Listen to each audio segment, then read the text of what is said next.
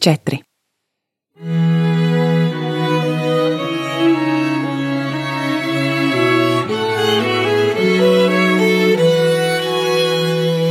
Tu klausies Radio Marija Latvija.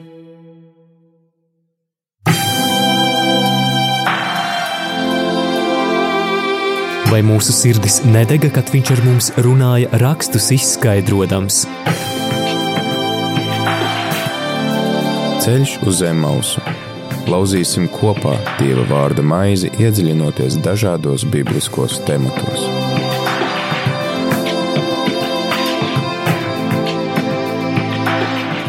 Esiet sveicināti, darbie radio klausītāji! Sveiciens 4. 22. oktobrī, un sveicinām šajā brīdī arī tos, kas šo raidījumu klausīsieties atkārtojumā vēlā sestdienas vakarā, un sveicinām arī visus, kas šo raidījuma epizodi klausāties, izmantojot arhīva pakalpojumus. Ēterā raidījums Ceļš uz Zemmausu, raidījums, ko, kurā kopā ar dažādu konfesiju garīdzniekiem, mācītājiem, pievēršamies svētajiem rakstiem kā dāvainai, kas mūs visus vieno. Pie mikrofona es Māris Veliks un prieks šeit studijā arī sveicināt draudzes pilsēta mācītāju Uģi Paulo. Sveicināts, Uģi! Labdien! Uģi, paldies, ka piekriti šeit būt. Uģi, es teikšu, kā ir. Tu, Radio Marija ģimenē šeit Latvijā, esi liela svētība, un es ļoti, ļoti priecājos, ka arī šajā raidījumā šovakar tu esi kopā. Paldies! Nu jau kādu laiku raidījumā mēs turpinām ciklu par izceļošanas grāmatu, jeb otro mūzes grāmatu, un atcerēsimies, ko tad mēs dzirdējām iepriekšējās nedēļās. Jau noklausījāmies par dieva atklāšanos mūzum pie degošā ērkšķu krūma, kur dievs atklāja savu vārdu: Es esmu, kas es esmu. Vēlāk dievs sūta mūzu atpakaļ uz Eģipti, sakot: Ej, es tevi sūtīšu pie faraona, un tu izvedīsi manu tautu Izrēla dēlus no Ēģiptes. Lasām 3. nodaļā, 10. pantā. Mūzes atgriežas Eģiptē, taču Mūzes un Ārona mēģinājums runāt ar faraonu par tautas atlaišanu ir šķietami neveiksmīgs.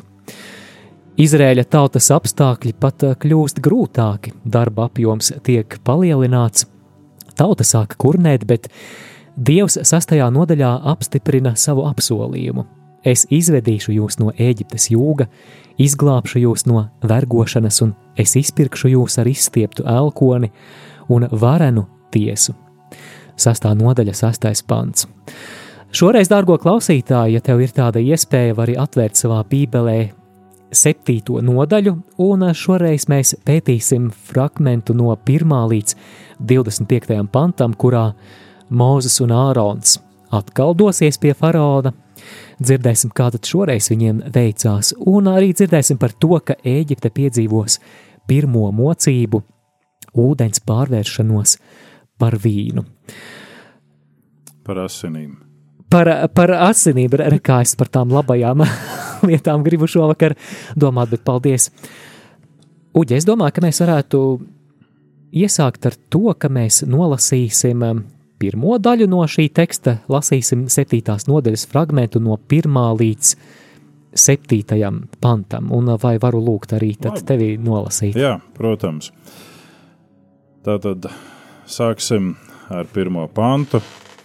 Kungs teica mozum, redzi, es tevi iecelšu fāronam par dievu, un tavs brālis Ārons būs tavs pravietis. Tu runāsi visu, ko es tev pavēlu, bet tavs brālis Ārons runās ar faraonu, lai viņš atlaiž Izraēlu dēlus no savas zemes. Es nocietināšu faraona sirdi un darīšu Eģiptes zemē daudz zīmju un brīnumu, bet faraons jūs neklausīs. Tad es pielikšu Eģiptei savu roku, un es izvedīšu savus pulkus, savu tautu, Izraēlu dēlus no Eģiptes zemes, ar varenu tiesu. Tad eģiptieši zinās, ka es esmu kungs kad es izstiepšu savu roku pār Ēģipti un izvedīšu no tās Izraēla dēlus. Mozus un Ārons darīja, kā kungs tiem pavēlēja, tā viņi darīja.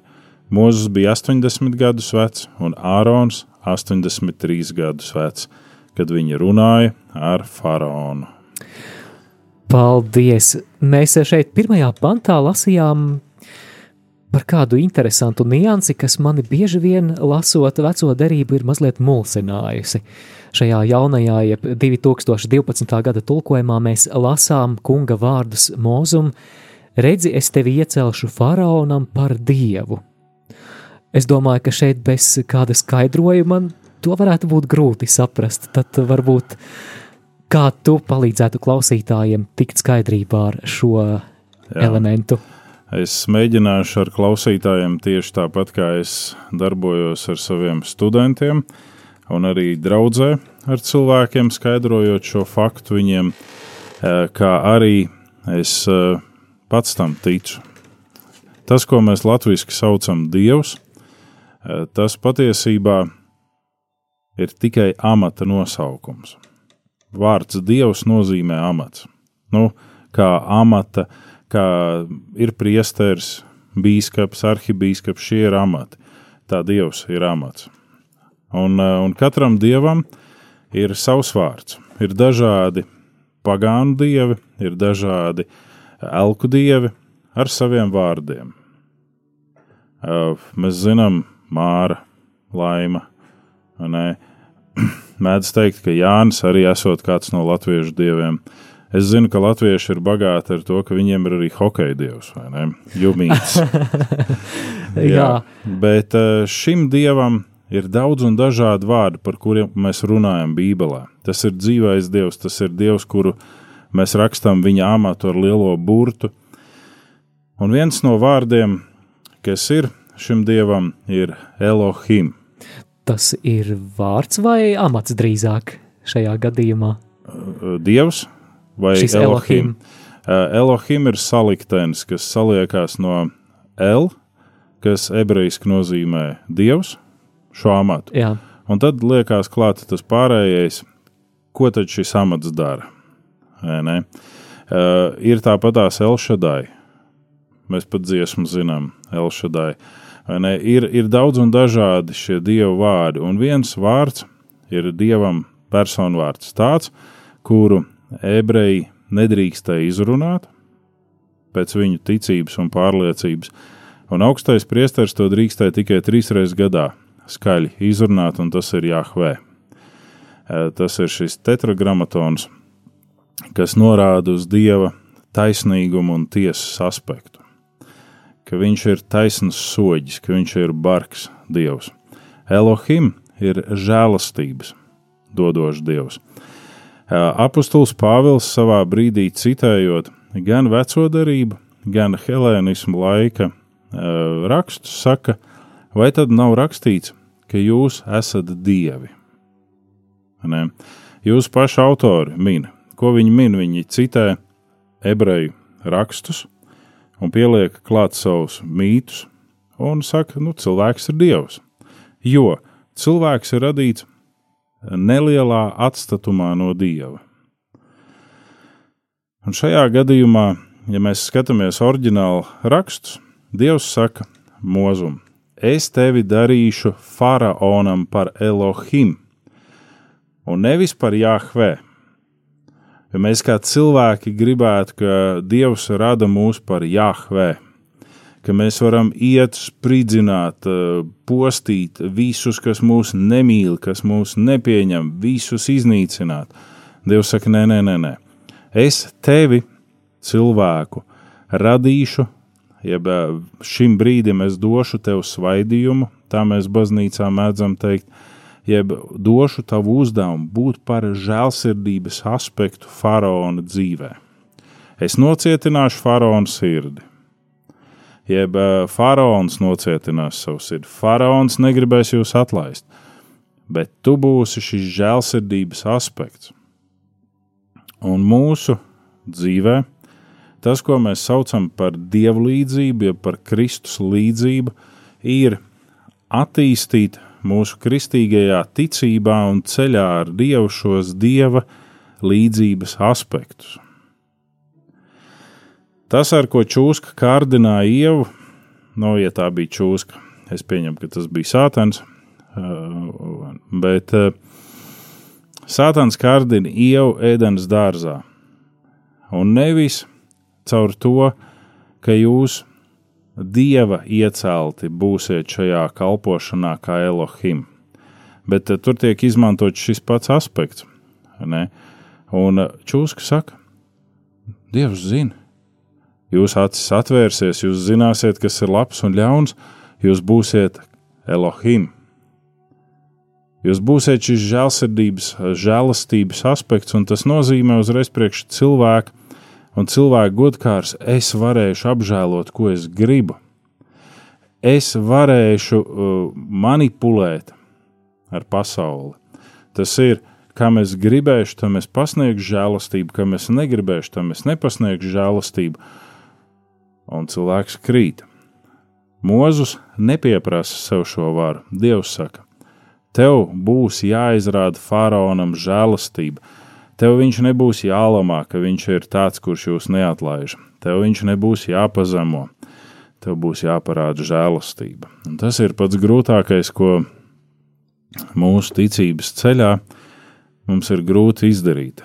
Šajā rītā, klausoties rīta katehēzi, es domāju, cik saudabīgs var būt jautājums, kas tika iesūtīts. Vai Lutāņiem arī ir žēlsirdības darbi. Es domāju, ka man visiem ir žēlsirdības darbi, visiem ir jādzīvo žēlastībā, visiem ir jāpilda gan gandarīšanas, gan žēlsirdības darbi, un tad mēs sākam dalīt. Varbūt mēs esam pārāka konfesija, ne, un mums nav žēlsirdības darbi, jeb mēs jau esam apžēloti, mums vairs nevajag rūpēties par žēlsirdības darbiem. Tas tikai ir tam pirmām konfesijām, kā akmens laikmetu cilvēkiem. Nu, nē, nu, mums visiem ir. Un Dievs saka, es tevi iecelšu faraonam par žēlastības aspektu, par to, kas pasniedz žēlastību faraonam. Okay. Jā, Uģi, eh, bet eh, savukārt tālāk, ja mēs eh, lasām, tas ir trešais pants. Dievs saka, es nocietināšu faraona sirdi, un tas arī bez kaut kāda padziļināta komentāra gluži neizklausās pēc žēlsirdības, jo rodas jautājums, kur tad šeit paliek šī faraona brīvā griba, jo izklausās, ka Dievs pārņem savā kontrolē faraonu, nedodot viņam iespēju šajā situācijā rīkoties citādāk. Kā tu skaidrotu okay. šo aspektu? Uh, mēs redzam, ka visās šajās mocībās neatkarīgi, kuras nāk pēc kārtas, eh, faraona sirds apcietinās. Dievs eh, sarunā ar mūzu lieto šo formulējumu: Es apcietināšu faraona sirdi. Kāpēc? Pirmkārt, tas ir tīri tāds psiholoģiskais aspekts, un Tas, ko es gribu pirmkārt atzīmēt bez visiem aspektiem, ir tas, ka Dievs pateica Mozum, tev būs jāizved mana tauta, bet viņš nepateica, paklau draugs, būs 160 tūkstoši pārbaudījumu, kuros tava pacietība tiks pārbaudīta, būs baigs smagais ceļš, būs liela sacelšanās, būs nemiera tautā. O, ne? Viņš vienkārši teica, Mozu, es tevi esmu izredzējis, tev ir jāizved mana tauta. Mozus jūt, ka tas nav pateikts līdz galam viss, bet viņš bīstās kaut ko eh, jautāt, un viņam ir bība Dieva priekšā, un tad Dievs rāda viņam zīmes. Un, ja Dievs teiktu mozum, faraons apcietinās sirdi, ko Mozus kā cilvēks sajūs sevī - rūkumu un naidu. Bet, ja Dievs saka, es apcietināšu faraona sirdi, nu tad tikpat kā tu apcietini, tikpat tu vari arī mīkstināt. Ne? Un tā ir tāda normāla situācija, ko tēvs dara iepratīm savam bērnam. Jo arī faraona sirds ir Dieva rokās. Bet šis vārds, kas tiek izmantots šeit, ir Eh, Hazakju eh, ebreju vārds. Un šis vārds vairāk nozīmē nevis, ka Dievs apcietina to sirdi, bet ka faraons ar savu rīcību ļauj rūkumam iesakņoties sevī. Jo faraons vēl pirms visa šī jau izjuta nepatiku pret šo tautu. Šis faraons, kurš ir 430 gadus pēc Jāzepa, izjūt šo nepatiku pret šo tautu. Viņš viņiem uzliek smagākas klaušas, viņš viņus dažādi paverdzina. Šī faraona tēvs bija tas, kurš uh, savā brīdī, uh, vectēvs, es atvainojos, bija tas, kurš savā brīdī lika nogalināt visus tos jaundzimušos. Viņam bija bail, ka šī tauta kļūs liela un varena un spēcīga. Ja mēs skatāmies tādā Bībeles plūduma kontekstā, mēs redzam to, ka Dievs vienmēr parāda cilvēkam to labo rezultātu, bet netiek parādīts tas ceļš līdz šim rezultātam. Un līdz ar to cilvēkam ir nevis jāredz tikai tā labā daļa, bet ir jāsaprot, ka tas ceļš būs tāds, kas tev audzinās un rūdīs. Jāzepam arī tika parādīts, ka brāļi, māte, tēvs klanās viņa priekšā kā uh, kūlīši, kā saule, mēnesis un zvaigznes, kas klanās viņa priekšā, bet netika parādīts tas, ka viņš tiks pārdots, tiks iemests cietumā vairāk kārtīgi, tiks pazemots, un tikai tad viņš nonāks līdz faraona tronim. Uh, Pravietis Elija otrajā ķēniņa grāmatā, pirmās grāmatas beigās un otrās grāmatas sākumā pārkāpj dieva šo žēlsirdības aspektu, izsauc uguni no debesīm. Un tad, kad tā uguns krīt, tad viņš liek klātesošai tautai nogalināt elgu dievu priesters. Un Dievs teica, tu esi pārsteidzīgs tev nav jāspriež tiesa. Jēzus saka, ne tiesu, bet žēlastību. Netiesājiet cits citu. Un šeit parādās tas moments, es apcietināšu faraona sirdi, ja tev ir kāds rūkums, to cel pret mani, nevis pret faraonu. Vai ir pareizi šajā gadījumā apgalvot, ka faraons šeit netiek padarīts par robotu, kuram nav izvēles, bet dievs kaut kā savā apredzībā vienkārši pieņem šo faraona izvēli un integrē savā plānā? Jā, jā. Uh, faraons tieši tāpat kā tu un es es, uh, esam dievu rokdarbs, tā arī faraons ir dievu rokdarbs. Un viņš kā lielais podnieks mūs veidojot jau zina, kāda būs mūsu izvēle. Viņš neietekmē mūsu izvēli, bet viņš zina, kāda tā būs. Ne? Līdz ar to viņš nerobotē faraonu, bet viņš zinot, pavēst mozumu. Faraons sirds būs apcietināta. Faraons būs nejauks, nikns, bet tu būsi viņam šis žēlastības aspekts. Un vēlāk pantos, kur mēs lasām, Dievs saka, ka viņš pats paliek Jahve. Dievs pats paliek tas, kurš spriedīs tiesu. Un tā tiesa sākās ne jau tad, kad tur asinīs pārvēršas ūdens, vai kad vardas lēkā visur, bet tā tiesa sākās tad, kad tiek atņemtas dzīvības. Un tās ir pēdējās mocības, kas notiek no mazākā līdz lielākajam radības ķēdē visiem tiek atņemta dzīvība, kas ir pirmdzimušie. Nē. Līdz ar to Dievs saka, es spriedīšu tiesu, es esmu Jāhvē, bet tu esi Elohim. Noklausīsimies kādu diezgan saldu, garšīgu skaņdarbu. Tā būs dziesma karameles, dārgo klausītāji, tev iespēja pārdomāt nu pat dzirdēto, tad atgriezīsimies ēterā, lai turpinātu lasīt otrās mūzes grāmatas, jeb izceļošanas grāmatas septītās nodaļas fragmentu, un turpināsim sākot ar astoto pantu, un atgādinu, ka šajā vakarā studijā draudzes pilsēta mācītājs Uģis Pallo. Ceļš uz zem mausu.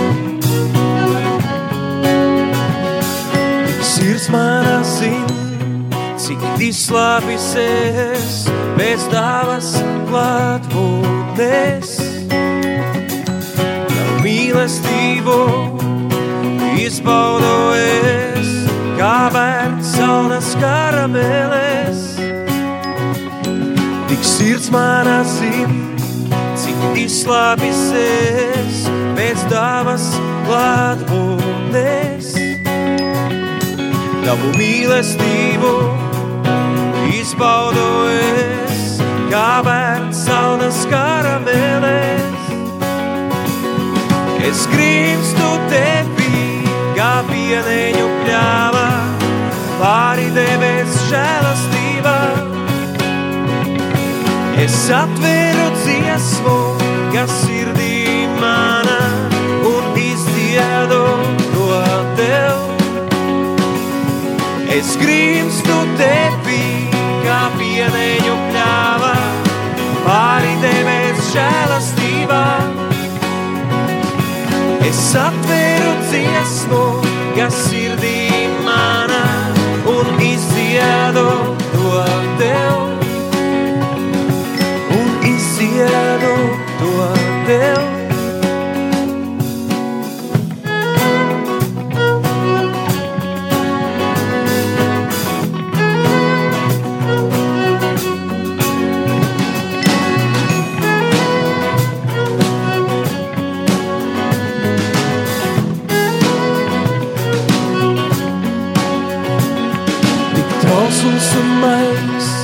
manas atmodas rīts, pēc ziemas un puteņiem.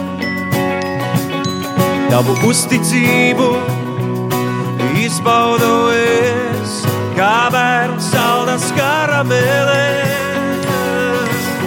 Es grimstu tevi, kā pieneņu pļāvā, pāri debes žēlastībā. Es atveru dziesmu, kas sirdī mana, un izdziedu to tev. Es grimstu tevi, kā pieneņu pļāvā, pāri debes žēlastībā. Es atveru dziesmu,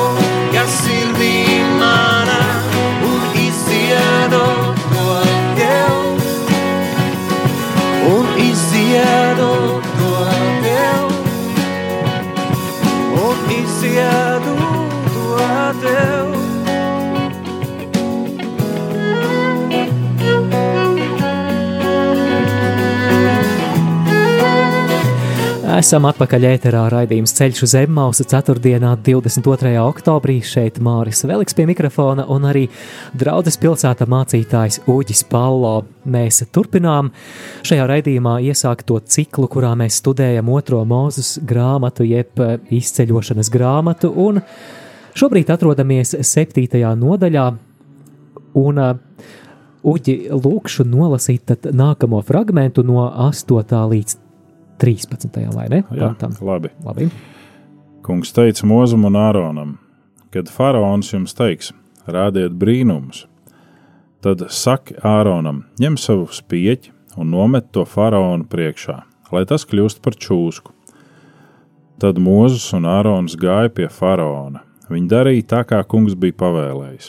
Ārons nomet savu spieķi faraonam un viņa kalpa priekšā, un tas kļuva par čūsku. Arī faraona sasauc, faraons sasauc savus gudros un burvjus, un arī viņi, Eģipte smagi, ar savām burvestībām darīja tāpat. Ik viens nomet savu spieķi, un tie kļuva par čūskām, bet Ārona spieķis aprīja viņu spieķus. Tomēr faraona sirds nocietinājās, un viņš uz tiem neklausījās, tā kung, kā kungs bija teicis. Jā, dzirdējām fragment 7. nodaļā, no 8. līdz 13. pantam. Jā, ļoti interesants stāsts par šīm čūskām, vai te ir kāds dziļāks simbolisms, jo tad, kad Bībelē tiek minēta čūska, tad mēs bieži vien atceramies to čūsku, kas uzrunāja Ievu un Ādamu tur ēdenes dārzā, pirmās mūzes, jeb radīšanas grāmatas trešajā nodaļā, vai te ir kāda sakarība, vai arī citādāk mums uz to būtu jāskatās? Mums ir vairākas čūskas. minētas svētajos rakstos. Un viena čūska, protams, ir tā kārdinātāja čūska, un uh, sātans arī tiek sinonimizēts, jeb simbolizēts kā čūska un puķis. Jo tas puķis, kuru mēs it kā šodien pazīstam kā puķi, viņš jau kaut kādā mērā ir stipri līdzīgs tai čūskai. Ne? Uh, tikai ar kājām, bet čūskai kāja nav. Un tad mēs redzam arī tās čūskas, kas tiek veidotas precīzi viena vara čūska, nehuštāns, tiek veidota, ko mūzum liek dievs. Veidot brīdī, kad tauta ir ļoti, ļoti kurnējusi, ļoti sacēlusies pret dievu. Un tautai uzbrūk indīgas čūskas. Tad dievs saka, mūzum veido vara čūsku, pacelt to pāri visai nometnei, un ik viens, kas ir čūskas sakosts un uh, mirst no šīs čūskas indas, uzlūkojot šo varu čūsku, taps glābts. Un tas jaunajā darbā vēlāk tiek salīdzināts ar Kristu, kurš mirst Golgāts kalnā, pacelts pāri pilsētai, pacelts pāri zemei, uzlūkojams kā vara čūska, Pats Jēzus par to runā, sakot, kā bija jātop paaugstinātai čūskai, ne, tā arī tiks paaugstināts cilvēka dēls. Es pieņemu, ka šajā brīdī ir šis simbols diezgan spēcīgs, ka tās čūskas, ko māgi veido, jeb rada ar savām burvestībām, ir ļaunuma veidojums. Bet tā čūska, kuru Ārons rada, nāk ar šo žēlastības aspektu. Pasniegt faraonam žēlastību. Un šī čūska apēd tās sliktās čūskas, un neatkarīgi no tā, faraona sirds paliek savā cietībā. Ja precīzāk sakot, faraons turpina šo ļauno ceļu, Viņš redz šo cīņu starp šīm čūskām, un vienalga viņš apcietina savu sirdi. Un šajā perikopē vairs nav teikts, ka Dievs turpināja apcietināt faraona sirdi, bet šeit jau tas tiek pavērsts atpakaļ pie faraona, ka tā ir faraona atbildība ieticēt vai neticēt. Un faraons izvēlās neieticēt. Viņš izvēlās palikt tajā, tas man neko nepierāda. Mani māgi tūlīt uzražos vēl 50 čūskas un apēdīs jūsējo. Neatkarīgi no šī visa, faraons apcietina savu sirdi. Un, ja mēs zinām kaut nedaudz šo čūskas būtību un struktūru, tad mēs zinām, ka tas nebija piecu minūšu jautājums. Jo čūska nevar vairākus priekšmetus apēst vienlaicīgi. Ja čūskas ķermenim iet cauri pakāpeniski ēdienas un sadalās, tas nozīmē, ka tas bija ilgāks process. Kamēr tā ārona čūska apēda visas tās Eģiptes čūskas, iespējams pat vairākas dienas. Ne?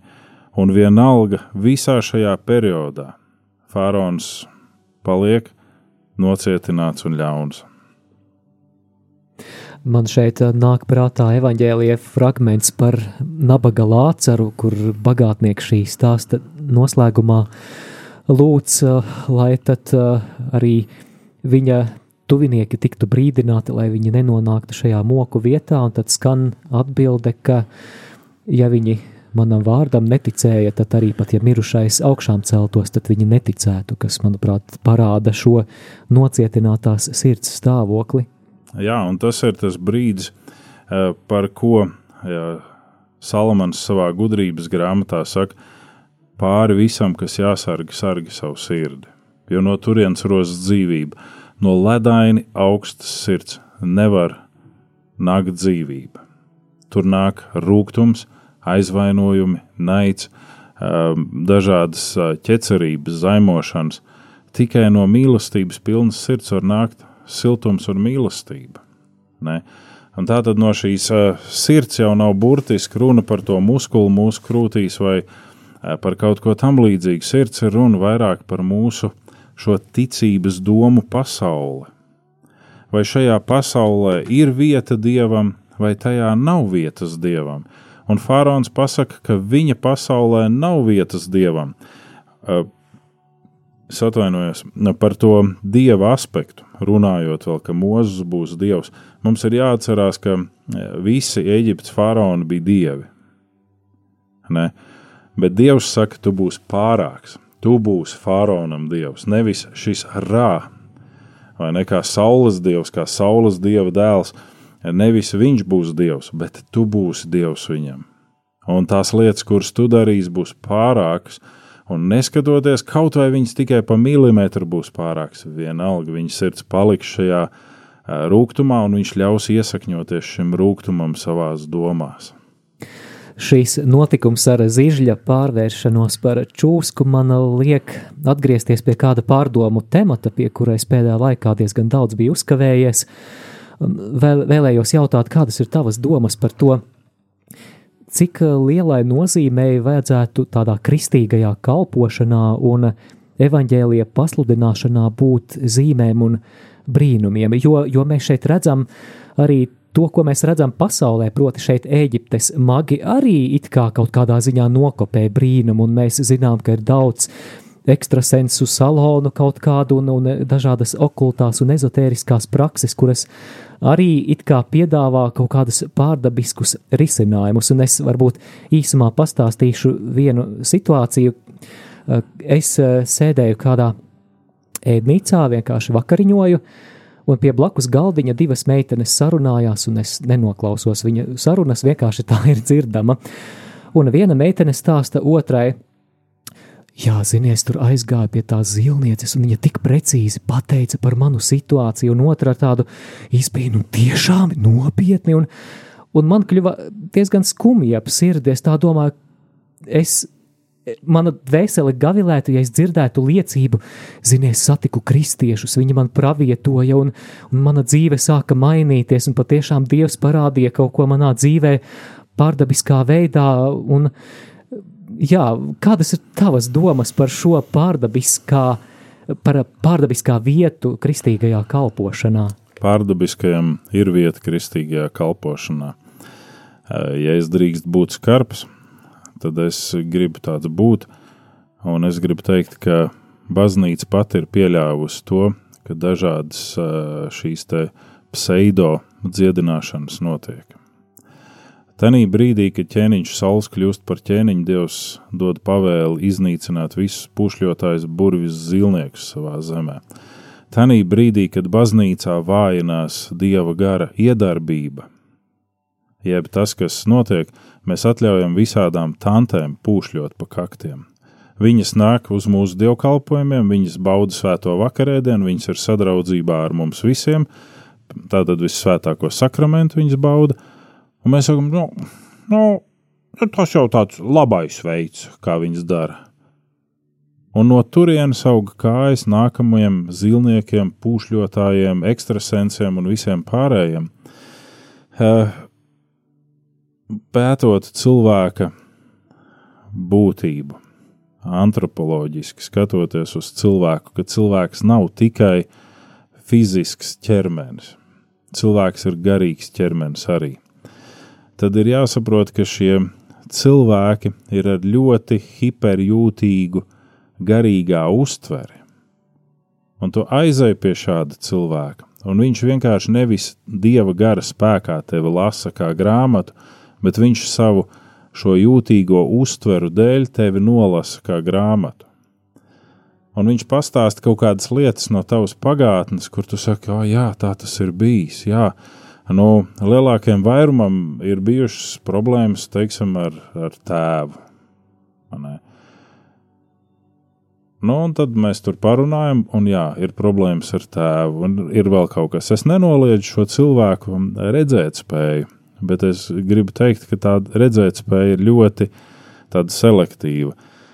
Es esmu reizēm nodarbojies ar tādu mācītājiem necienīgu nodarbi, kā skatījies ekstrasensu cīņas. Ar, ar vienkāršu sportisku interesi. Es skatos uz šiem cilvēkiem, un viņi saka, mums ir tādas spējas un šādas spējas. un viņi pilnīgi šķērsām stāsta tās atbildes, kas ir vajadzīgas. Jo, ja viņos patiešām darbotos tas spēks, par ko viņi runā, tad viņi gana precīzi pateiktu. Ne? Otrā lieta, vai baznīcā vajag, es uzskatu, ka vajag. Bet zīmes un brīnumi nepierāda to, ka cilvēki kļūst ticīgi pateicoties šīm zīmēm un brīnumiem. Gluži kā ar faraonu. Cilvēki kļūst atkarīgi no zīmēm. Ja zīmes būs, nāksim uz baznīcu, ja zīmes nebūs, sēdēsim mājās, skatīsimies visu attālināti. Ne? Mēs to varam redzēt mūsu ikdienā. Cilvēki augst pēc šī emocionālā eh, satricinājuma savā dzīvē, arī caur zīmēm un brīnumiem notiek šis emocionālais satricinājums, un tad viņi saka, šeit darbojās dieva gars. Savā laikā tukumā bija tāds uh, vaiprāta notikums, ka kultūras namā kāds viesu evaņģēlists vadīja evaņģelizāciju, un šīs evaņģelizācijas laikā tika aizlūgts par cilvēkiem, un tie, kas bija no draudzēm iznākuši uz šo aizlūgšanu, tie visi noģība svētā gara klātbūtnē, nu tā to sauc. Ne? Tie, kas pirmo reizi atnāca pieņemt jēzus, tie palika stāvot kājās. Un tad šis pseido sludinātājs teica, pārējiet uz to pusi, tur ir svētais gars, šeit nav. Mm. Un tā tad mēs gribam, lai šīs zīmes būtu kā pierādījums tam, ka lūk, šeit darbojās Dievs. Atbilde ir nē, mums nav jāprovocē zīmes, mums ir jādzīvo zīmju cienīga dzīve, un zīmes seko ticīgajiem. Bet arī vakar Bībeles koledžā mācot jauniešus, es teicu to vienu, kas raksturo veselīgu eglīti - čiekuri bet mēs ļoti bieži ap Ziemassvētku laiku eglīti izdekorējam. Un tad mēs sakām, cik skaista eglīte. Bet tur ir mūsu mantiņas, tur ir mūsu eņģelīši, tur ir mūsu bumbulīši virsū, bet visas šīs dāvanas, ko mēs saliekam uz eglītes, vai tās, ko mēs pabāžam zem eglītes, tās ir tikai dāvanas. Augļi ir čiekuri. Tie paši vienkāršie čiekuri, kur mums nevienmēr patīk. Ne? Dāvāns ir tas, ko dod Dievu gars, lai mēs tās lietotu, lai baznīcai būtu svētība. Dāvāns nekad neraksturos baznīcas kvalitāti. Kvalitāti augļi. Un šeit, šajā perekopē, kur mēs lasām, ļoti spēcīgi attīstās šis viens žēlastība, žēlsirdība, žēlastība, žēlsirdība. Tas ir auglis. Tā nav dāvana tu, kā ticīgais, kā Kristus māceklis, valdi pār pasauli, pār neticīgo. Kādu žēlstību tu pasniedz? Kāda žēlsirdība nāk no tevis? Nē. Vai tā nav pseido žēlsirdība, kur mēs pasniedzam? Mēs sakām, jā, nu mēs jau nevaram visam tam politiskajam nostāties pretī, mēs jau nevaram. Tad varbūt mums nevajag bučoties ar politisko tad varbūt mums vajag palikt patiešām. Baznīca paliek savā vietā, un politika paliek savā vietā, un mēģinam, cik tālu ejam, ejam kopā. Nu, ja sāktos vajāšanas, nu, sāktos vajāšanas, nu ko. Ne? Skan raidījums ceļš uz Emausu, mācītājs Uģis Paulo šajā vakarā šeit, Radio Marijas studijā. Pēc mūzikas pauzes atgriezīsimies ēterā, bet atgādinu, dārgo klausītāji, ja tev ir kāds komentārs par dzirdēto vai jautājums par tekstu, kuru šodien pārunājam, tad iesaisties ēterā. Tālruņa numurs jūsu īsiņām ir 266, 77, 272. Savukārt studiju sazvanīt var uz numuru 67, 969, 131.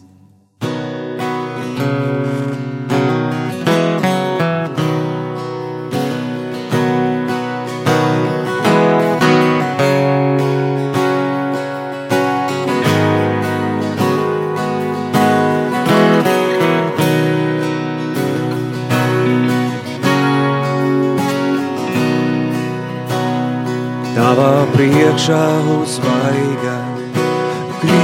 mans tēvs, sirdī saustu. Apskauj mani, ciešāk mans tēvs, vēl tuvāk vēlos tev būt. Tavā priekšā uzvaiga, krītu mans tēvs, sirdī salaustu. Apskauj mani, ciešāk mans tēvs, vēl tuvāk vēlos tev būt. Halleluja, Abba tēvs,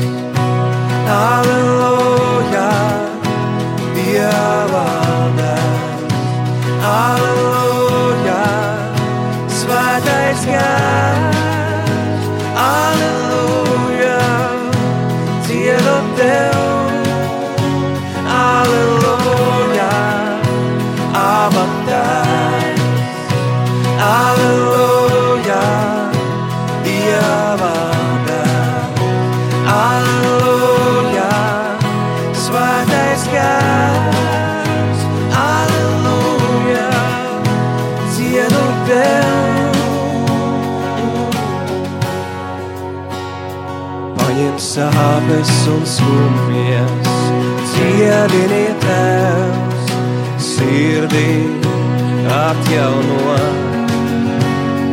Tavas svētuma priekšā, rītu mans tēvs, vēl tuvāk vēlos tev būt.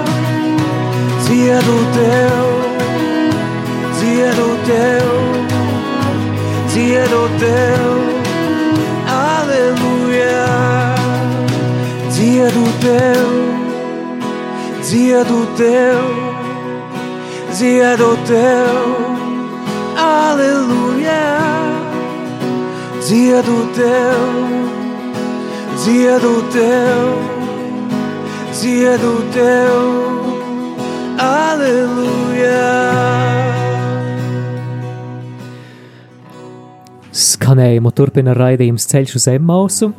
Māris pie mikrofona un šeit arī mācītājs Uģis Pallo. Turpinām studēt otrās mūzes grāmatas, jeb izceļošanas grāmatas septīto nodaļu. Un Uģi lūkšu tad nolasīt šīs dienas atlikušo fragmentu. Sākam no 14. panta. Un kungs teica mozum: Faraona sirds ir cieta. Viņš liedzas atlaist tautu. Ej no rīta pie faraona, redzi, viņš nāks ārā pie ūdens, un tu nostājies viņam iepratīm Nīlas krastā. Ņem rokā to spieķi, kas pārvērtās par čūsku. Saka viņam: Kungs, ebreju dievs, mani sūtīja pie tevis sacīt: Atlaid manu tautu, lai tie man tūkstnesī kalpo. Bet redzi, līdz šim tu neesi klausījis. Tā saka kungs, tagad tu zināsi, ka es esmu kungs. Redzi, ar spieķi, kas manā rokā, es sitīšu nīlas ūdeni, un tas pārvērtīsies par asinīm. Zivis nīlā nomirs, nīla smirdēs, un eģiptieši nevarēs dzert nīlas ūdeni. Un kungs teica mozum: Saka Āronam, ņem savu spieķi un izstiep roku pāri Eģiptes ūdeņiem, upēm, pietekām, purviem un visām ūdens krātuvēm, un tas kļūs par asinīm visā Eģiptes zemē, gan koka, gan akmens traukos. Mozus un Ārons darīja, kā kungs pavēlēja. Viņš pacēla spieķi faraonu un viņa kalpācu priekšā, un sita nīlas ūdeņus, un visi nīlas ūdeņi pārvērtās par asinīm. Zivis, kas bija nīlā, nomira, nīlas mirdēja, un eģiptieši nevarēja dzert nīlas ūdeni, jo visā Eģiptes zemē tas bija kļuvis par asinīm. Tāpat darīja arī Eģiptes magi ar savām burvestībām, bet faraona sirds nocietinājās, un viņš tos neklausīja. Kā kungs bija teicis, faraons pagriezās, iegāja savā namā un nelikās nezinis, bet visi eģiptieši raka ap Nīlu pēc dzeramā ūdens, jo Nīlas ūdeni tie nevarēja dzert. Tā pagāja septiņas dienas pēc tam, kad kungs bija sitis Nīlu. Paldies! Dzirdējām fragment no 7. nodaļas, no 14. līdz 25. pantam. Stāsts par pirmo mocību. Ūdens pārvēršas par asinīm. Kas ir tie aspekti, kuriem būtu vērts šovakar pievērst uzmanību saistībā ar to? Pirmkārt, Mozus runā ar Dievu vārdu, pieminot, ka tas, kuram pieder tiesa, tas mani sūta.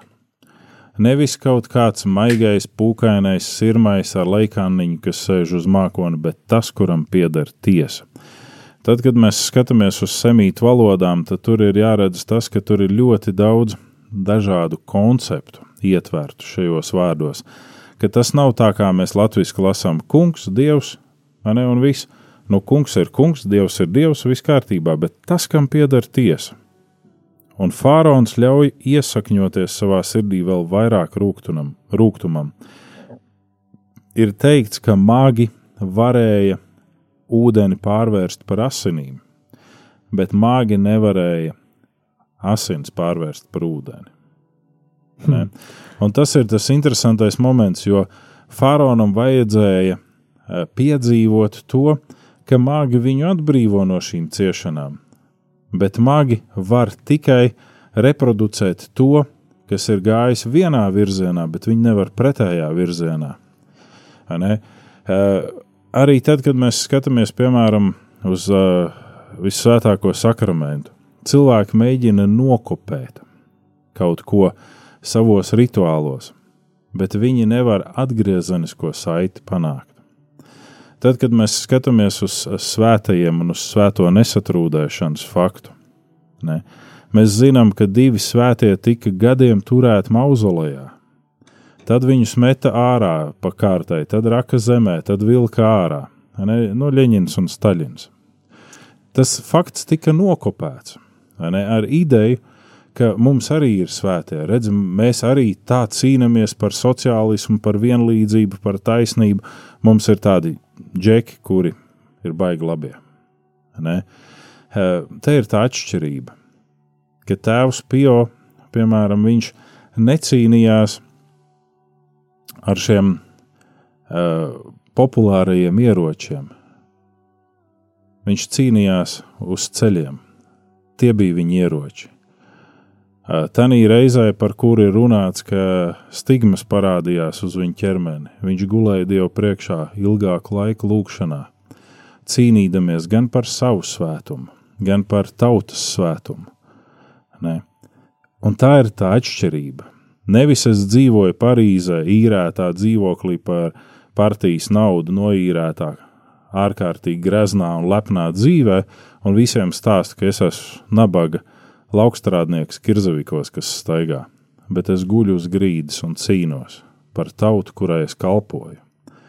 Dievu priekšā aizstāv viņus pret sātanu uzbrukumiem. Un Mozus pasaka, notiks tā, un tas notiek, bet māgi nevar atgriezt to procesu atpakaļ. Un 111. psalmā mēs lasām, Bijība tā kunga priekšā ir visas gudrības sākums Tas viņu labi izjūt un saprot, kas tā dara. Viņa slava paliek mūžīgi, un trešajā pantā mēs lasām slaveni un brīnišķīgi ir dieva darbi. Viņa taisnība paliek mūžīgi. Atkal ir pieminēts šis dieva tiesas, jeb taisnīguma aspekts, kurš parādās arī šajā uh, perekopē visu laiku, ka dievs ir tas, kuram pieder tiesa.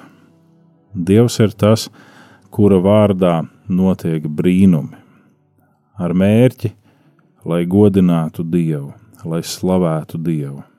Es savā kalpošanā gribētu ļoti daudz brīnumu, bet es nedzenos pēc brīnumiem ar cilvēcisku spēku. Tad, kad Dievam vajag, brīnumi notiek. Un mēs esam piedzīvojuši arī to, ka uh, cilvēku, kurš tad ir ar Dievu, tad nav ar Dievu, pēkšņi skar gangrēna, smagā formā sāpes, mokas, un Dievs dziedina. Un cilvēks vēl šodien dzīvo, un gangrēna nav. Un brīdī pēc bībelīgas pagrēmas, jeb kristībām, viņam ir jāpārtina tā kāja. Viņš saka, un tā ir pēdējā reize, kad kaut kāda melna zapta izšļācās pa to pušu mārā, un viss. Nē. Līdz ar to mēs piedzīvojam, un tev un man māri, tāpat kā daudziem citiem dievbērniem, ir dots šis viens: ejiet un dariet. Nē. Mēs sakām, Dievs parāda kādu zīmi, dod īpašu spēku. Nē, mēs ejam un bērnu vienkāršībā darām. Apstājamies pie mirēja gultas un lūdzam to, ko Dieva gars liek tenī brīdī lūgt. Ja liek likt celties augšā, liekam celties augšā, ja liek tapt dziedinātam. Jā, ja ir jāiet uz operāciju, tad caur operāciju, bet ar Dievu svētību tālāk. Jā, man šķiet, ka no Mozus un Ārona mēs varam mācīties to paklausību Dievam. Sastajā pantā Mozus un Ārons darīja, kā kungs tiem pavēlēja. Tā viņi darīja. Jā. Vēl viens aspekts, tu minēji par šo Dievu, kurš tiesā. Un uh, ielūkojoties komentāros par šo fragmentu, atradu arī tādu interesantu momentu, kur minēts, ka šīs mocības, kas nāk pāri Ēģipti, ir arī kā tāds dieva tiesas tribunāls pār Eģiptes dievībām. Šajā gadījumā Nīlas ūdens pārvēršas par asinīm, un uh, ir arī tādi interesanti fakti, ka, piemēram, eģiptiešu dievs Knums tika uzskatīts par Nīlas sargu. Uh, bija arī tāda dieviete vai, vai dievs Hapī, kas bija Nīlas gars, eģiptiešu mitoloģijā, un arī Nīla tika uzskatīta par eh, dieva Ozirisa asinsvadu, un tad nu, šie dievi šeit piedzīvo tiesu, lai, lai parādītos tas, kas šajā un arī citās nodaļās saistībā ar šīm Eģiptes mocībām vairāk kārt atkārtojas, ka tagad jūs zināsiet, ka es esmu kungs. Tas ir tas uh, moments, ka Dievs nespriež tiesu tikai faraonam, jo faraons bija tas augstākais no visiem dieviem. Pēc noklusējuma, bet pār visiem dieviem tiek spriesta tiesa, pār visu šo Eģiptes algdievību. Vēl viens būtisks aspekts, kas mums ir jāņem no trešās mūzes grāmatas vērā, ir tas, ka Dievs saka, kāpēc mums nebūs baudīt asins. Tāpēc, ka cilvēka dzīvība, jeb dvēsele mīt asinīs, un asins ir cilvēka dvēsele. Nē. Un tam to pieņem ne tikai ebreji, bet to pieņem visas semītu kopienas, un asins tiek baudīts tikai vienā gadījumā, kad mēs runājam par teofāgiju, jeb dievēšanu. Ne? Ja es gribu pārņemt kāda cilvēka dievišķo enerģiju un spēku, tad es dzeru viņa asins. Ne? Līdz ar to e, Dievs saka, nu, reku jūsu dieva asins plūst pa nīlu.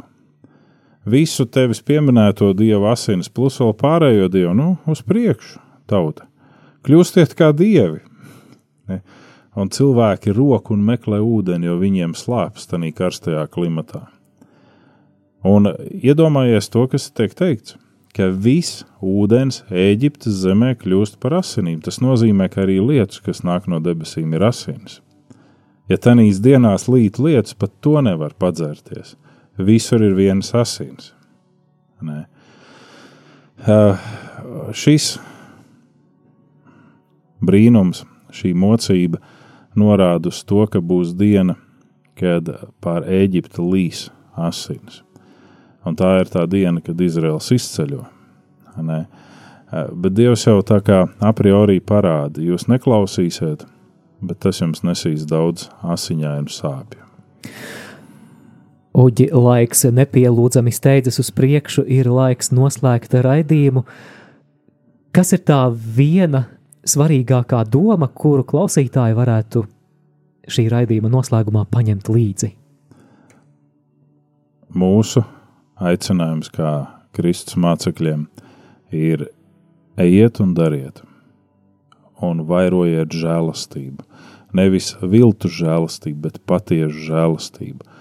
Mozus, kā žēlastības aspekta devējs, spriež Dievu vārdā tiesu pār Eģiptu, bet tikai līdz zināmam robežu stabiņam.